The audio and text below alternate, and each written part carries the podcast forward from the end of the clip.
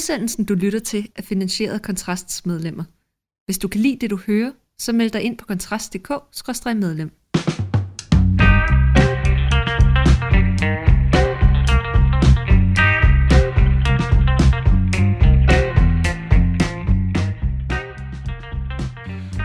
Velkommen til Fyraften med Kontrast, hvor det igen i dag er mig, Rasmus Hulstrup, der laver oplægget, fordi vi er så smarte og innovative her i huset.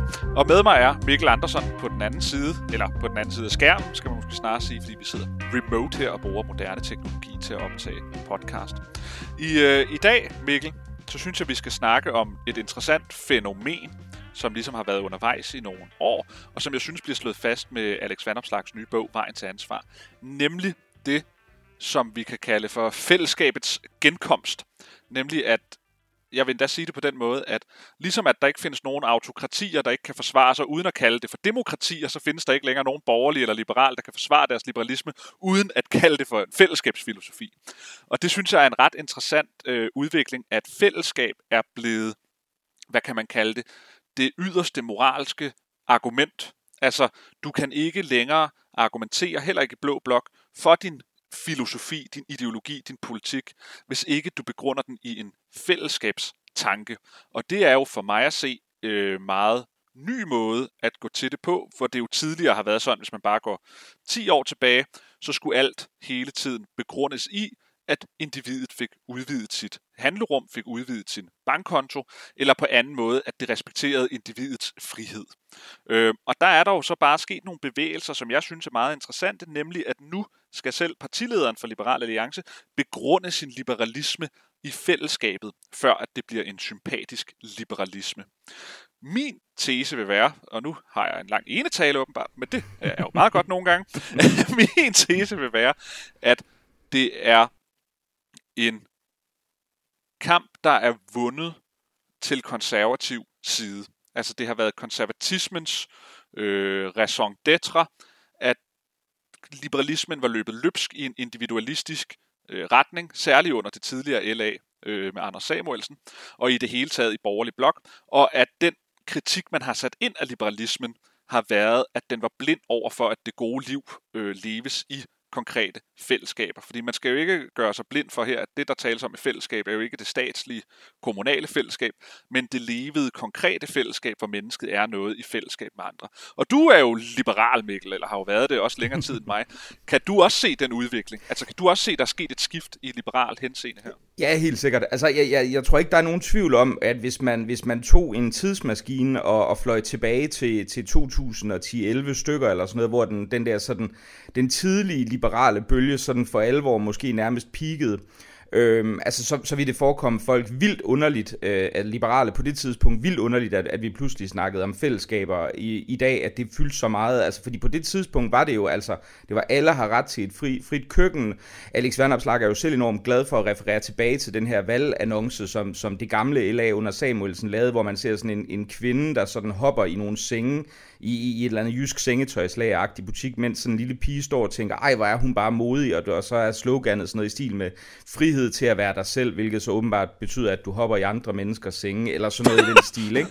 Og, og, og, og det er jo meget sigende, fordi, fordi det virker jo, altså, det, det virker jo som en meget fjern tid i dag, altså der, den, den, den, hvad kan man sige, meget individorienteret, øh, alle har ret til et fedt køkkenagtigt liberalisme, øh, hvor, hvor det var hvad kan man sige, sænkning af afgifter på, på luksusjagt og, og, og sådan realiseringen af sig selv som sådan en, en, en millionær, øh, som self-made man, det er, jo, det er jo slet ikke den, vi ser i dag overhovedet. Og jeg tror, du har ret i, at det er en, hvad kan man sige, at det er en konservativ sejr, men det er også en mere, hvad skal vi kalde det, det er en mere diffus sejr, fordi det er jo, hvis vi skal være onde, så er det jo nok ikke det konservative folkeparti, eller sådan de organiserede konservative miljøer i Danmark på den måde, der ligesom har stået bag den her vending. Det er mere sådan en, hvad skal vi kalde det, en tidsåndsvending, ikke? Jeg, jeg mener, der er et godt tysk udtryk for det, som uh, Seitenwende, eller sådan et eller andet, som, som har ført til, at vi, vi, ser, vi ser det her skifte i forhold til det mere kommunitaristiske. Og det er jo egentlig påfaldende også, hvis vi skal kigge på det danske politiske miljø, at det har været noget, som man egentlig har haft lidt svært ved at håndtere, fordi, og det tror jeg primært skyldes Venstres omfavnelse af velfærdsstaten dengang i 2001, ikke, hvor Anders Fogh som bekendt øh, via Hjort-doktrinen gik ind og sagde, jamen,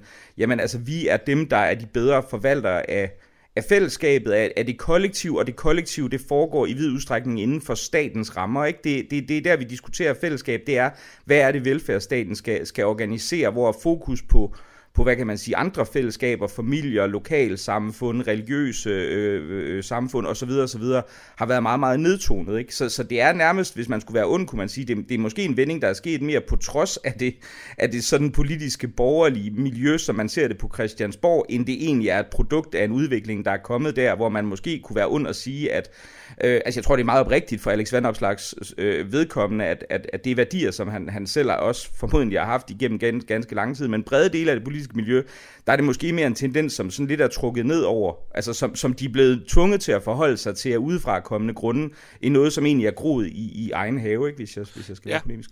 Og det gør det jo egentlig ret interessant, synes jeg, fordi det peger vel et eller andet sted hen på, at det er et eksempel på, hvordan idédebatten har kunnet rykke noget.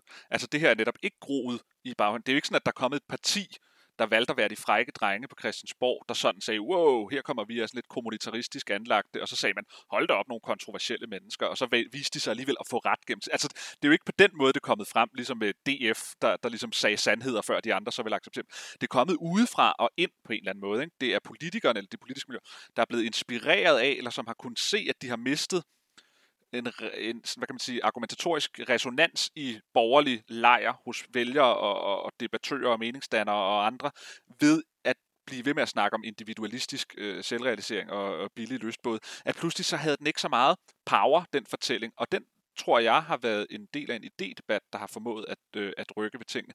En anden årsag til, at jeg tror, at det har slået igennem, er, at det jo altid har været sådan, indtil for ganske nylig, at venstrefløjen havde patent på fællesskab, og de borgerlige havde så patent på individets muligheder. Og, at, øh, og vi husker jo alle sammen slogansene og flosklerne, og de findes jo stadig, og der er jo også meget sandhed i dem, det er jo ikke det. Øhm, men borgerlig svar har altid været, at øh, man skal ikke lade fællesskabet træde den enkelte under fodet, eller man skal ikke kvæle sig, eller vi er alle sammen forskellige, eller alle de her. Det har ligesom været borgerlige sådan, hvad kan man sige, slogans over for en venstrefløj. Men det er jo som om, der er sket en vending i tiden, at det jo er venstrefløjen, særligt med identitetspolitikken og wokeness, der er blevet hyper, hyper individualister. At alting handler om at lade det enkelte menneske være sig selv og leve som sig selv, og at alle skal tage hensyn til det enkelte menneskes præferencer og kønsidentitet og pronomen og alt muligt andet. Så det er som om, at det har forskubbet sig på en måde, hvor det er de borgerlige, der nu siger, hey, i ved godt, I ødelægger fællesskabet med jeres wokeness. I ødelægger muligheden for mennesker til at kunne omgås hinanden, til at indgå i øh, relationer til hinanden, når I bliver ved med at køre med de her hyperindividualistiske dagsordner, der handler om det enkelte menneskes ret til at definere sig selv, uanset hvor absurd det er, den måde individet vil definere sig selv. Og vel egentlig også en, en, en hvad kan vi kalde det, en kritik af venstrefløjens fællesskabsbegreb, som har vist sig at være hult og tomt. Ikke? At det folk jo manglede, tror jeg i hvert fald, har ikke været en større stat, en større øh, kommun, kommunal øh, styre. Men derimod, at folk måske også har kunne se, at der var noget sandhed i den kritik, der har været af hyperindividualismen, som venstrefløjen har båret frem, ikke? som gør, at man kan se, at hvis man skal stå stærkt som borgerlig, så går det ikke at prøve at kæmpe på at være individualister med venstrefløjen, fordi så skal du virkelig ud i noget bizart tankegods, hvis du skal slå dem, så er det fællesskabet, der er det sympatiske begreb. Ikke? Jo, helt enig, og jeg tror egentlig også, at, at det er det, som, som på sin vis også ender med at sætte Socialdemokratiet i en, i en lidt vanskelig situation i forhold til, til, til dele af venstrefløjen også, men måske også er en force, ikke? fordi man kan sige, jeg tror jo, at Socialdemokratiet, selvom det selvfølgelig er altså i høj grad Socialdemokratiet, som, som er skaberen af den her universelle velfærdsstat på mange måder, så er der også en, en hvad kan man kalde det, sådan en, en værdikonservativ betoning af, af nogle meningsskabende, konkrete fællesskaber, som selvfølgelig også i nogen grad er statsligt domineret, men, men sådan noget som, som fagbevægelser og forskellige andre ting. Øh, og, og vi så jo også, altså for eksempel i forhold til, til øh, her under covid-krisen, hvor vi så øh, debattører som Michael Bøs, øh, som også har været øh, borgerlig i en eller anden forstand tidligere med sådan konservative sympatier, der gik ud og blev socialdemokrat. Vi så Rune Selsing, der også gjorde det. Ikke? Altså, Altså man kan, hvor, hvor, hvor på den anden side ser vi et parti som Venstre, der jo næsten går ud og bliver sådan en slags altså næsten ja. i nogen henseender flugter med den woke venstrefløj i, i kraft af den her sådan radikale frisættelsesideologi, hvor man ikke har nogen problemer med at omfavne det her med at sige, jamen prøv at høre, der er nogle hæmmende strukturer i samfundet, der undertrykker dig, og derfor så skal vi ligesom sikre en større frisættelse, som vi så bruger staten som instrument til at sikre, og det kan så være igennem kønsopgørelser af musikere på spillesteder, eller hvad det nu ellers er for nogle ja, ting. Ja, eller Marie Bjerres opgør med maskuliniteten i det hele taget. Ikke? Ja, præcis. Ikke? Og, og, og det synes jeg jo, det er jo sådan en, en, en, en fascinerende ting, hvor man kan sige, at, at på nogen stræk virker det jo egentlig som om, at dele af Socialdemokratiet faktisk er mere værdikonservative end Venstre. Det, det er jo også ja. sådan en, en fascinerende øh, tendens øh, at, at se, og, og jo egentlig også en, i, i hvert fald i ret vid udstrækning på, på mange områder mere end, end Moderaten også. Ikke? Jo, altså jeg synes, det er interessant, at det, der skete med Mette Frederiksen under Socialdemokratiet, det var, som jeg ser det, at der var en stor fløj i Socialdemokratiet, som hun lå i, altså kort dybvad-linjen, hvis vi skal kalde det det, hvor Socialdemokratiet rykkede til højre på værdipolitikken, men også et skridt til venstre på fordelingspolitikken tilbage i 19. Hvor Venstre så, fordi Venstre og Socialdemokratiet jo altid på en eller anden måde definerer sig i forhold til Socialdemokratiet Sudan, det, det, hvad hedder det, øh, definerer sig i forhold til Venstre, at Venstre så valgte at sige, okay, hvis Socialdemokratiet rykker til højre på værdipolitikken, men til venstre på den økonomiske politik, så laver vi den modsatte. Så rykker vi til venstre mm. på værdipolitikken og til højre på den økonomiske politik. Og jeg tror bare, at det, eller det her det så også viser, at det er øh, katastrofeopskriften, fordi hvis der er noget, danskerne er, som danskerne er flest, så er det at være rimelig sådan snusfornuftige, småborgerlige mennesker, og så kan de godt lide noget omfordeling. Ikke? Altså, altså det der med at være højreorienteret værdipolitisk og venstreorienteret økonomisk, det er nærmest at tage de to ting, danskerne elsker allermest, og så kombinere det. Og så siger Venstre, skal vi ikke prøve at lave det stik omvendte af, hvad danskerne, som de er flest, egentlig godt kan lide. Og det tror jeg har været med til at vise, at det, hvor de nu henter deres vælgere, det er i Storby København, og selvfølgelig skrider alle andre ting af Støjberg, øh, øh eller til, øh, øh nu øh, LA. Altså det har været en, en taberopskrift at gå imod den højreorientering i Socialdemokratiet, ikke? Jo, jo, jeg, jeg er fuldstændig enig, og jeg, altså nu, jeg, man kan jo sige, altså, fordi jeg, jeg, jeg er jo sådan en af dem, der vil sige, jamen jeg kan jo egentlig godt lide sådan en, altså at være værdikonservativ i, på en lang række områder, jeg er så også økonomisk set relativt, øh, altså hvad kan man sige, borgerlig og, og højreorienteret i den her scene, så det vil jo være min foretrukne opskrift, ikke? Som i hvert fald vil være der, hvor også dele af LA øh, ja. øh, ligger sammen. Men jeg tror, du har fuldstændig ret i, at størstedelen af befolkningen, altså vinderopskriften i forhold til at øh, og, og sådan mobilisere danskerne. Altså, den havde Mette Frederiksen på mange måder egentlig fundet, øh, og den kunne være, altså, jeg tror, den kunne være fortsat ganske længe, øh, øh, hvis, hvis det ikke var, fordi man var, man var gået i den her midterregering, som jeg tror kommer til at vise sig ekstremt destruktiv for, for i, altså primært Venstre, men og formodentlig også i nogen grad for, for Socialdemokratiet. For jeg tror, hvis man havde, hvis man havde fortsat den linje, jamen altså, så havde du opskriften på, hvad, hvad, hvad danskerne egentlig godt kan lide. Altså en, en, en sådan en, en, en, ja, hvad kan man sige, folkelig, arbejderistisk, lidt værdikonservativ sådan værdipolitik, og sådan en økonomisk fordelingspolitik, der, der sagde, at jamen, vi sørger naturligvis for at omfordele via velfærdsstaten, som danskerne jo også er utrolig begejstrede for.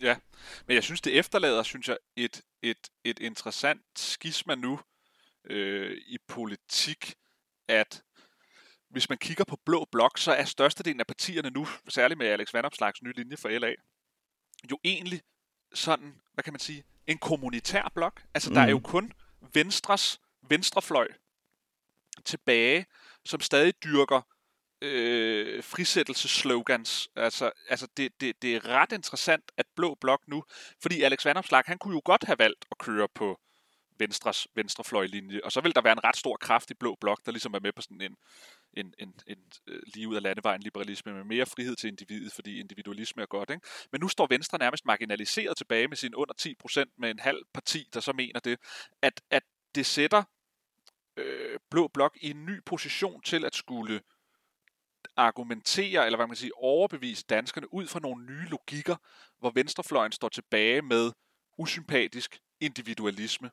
Og det tror jeg også forstærker med tiden det her by-landskæld, fordi at den her venstrefløjs individualisme er noget, der tiltaler den øvre middelklasse i storbyerne, men faktisk så synes de fleste danskere faktisk, det er røv usympatisk øh, at, at, at høre på venstrefløjens hypernavlebeskuende øh, ideologi. Så måske, for, vi har altid snakket fra borgerlig side i mange år.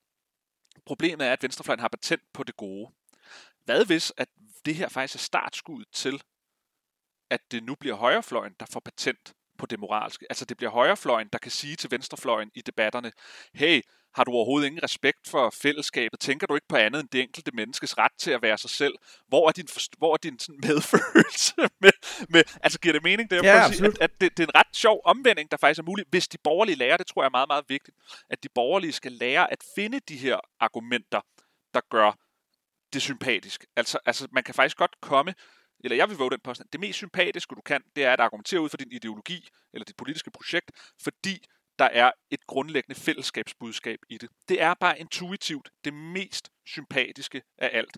Det er ikke intuitivt endnu for danskerne, fordi vi kan godt lide sådan noget empowerment, og det enkelte menneske bare rejser sig og bare gør lige, hvad det vil. Ikke? Og vi elsker LinkedIn-opslag med en anden kvinde, der siger, så troede man bare, at jeg var kvinde, der ikke kunne noget, og nu er jeg så blevet direktør, og så elsker folk det alligevel. Men der er en stor potentiale for en meget, meget, meget stærk moralsk, politisk dis, øh, hvad kan man sige, argumentation for borgerligheden, når de har lavet den her reorientering. Ja, ja, men det er rigtigt, men, altså, men, men, men man kan jo sige, at, at hmm, altså, fordi vi, i virkeligheden har vi jo sådan en slags urbant centrumparti, som man kunne kalde for Venstre og Moderaterne samlet, ikke? og de ligger så på de der omkring 16-17 procent af stemmerne, og det, det virker jo til at være, være, at de er jo egentlig de facto nu, fordi landvenstre ser ud til i vid udstrækning at være skaldet af ting og Støjbær, ikke? Så nu har vi sådan to partier, der på lange stræk ser ud til at mene stort set det samme, og det er måske ikke så underligt, eftersom partiformanden for Moderaterne var tidligere partiformanden for Venstre, og det er jo primært var på grund af for små personlige ambitioner, at, at han ikke stadigvæk er partiformand for Venstre. ikke?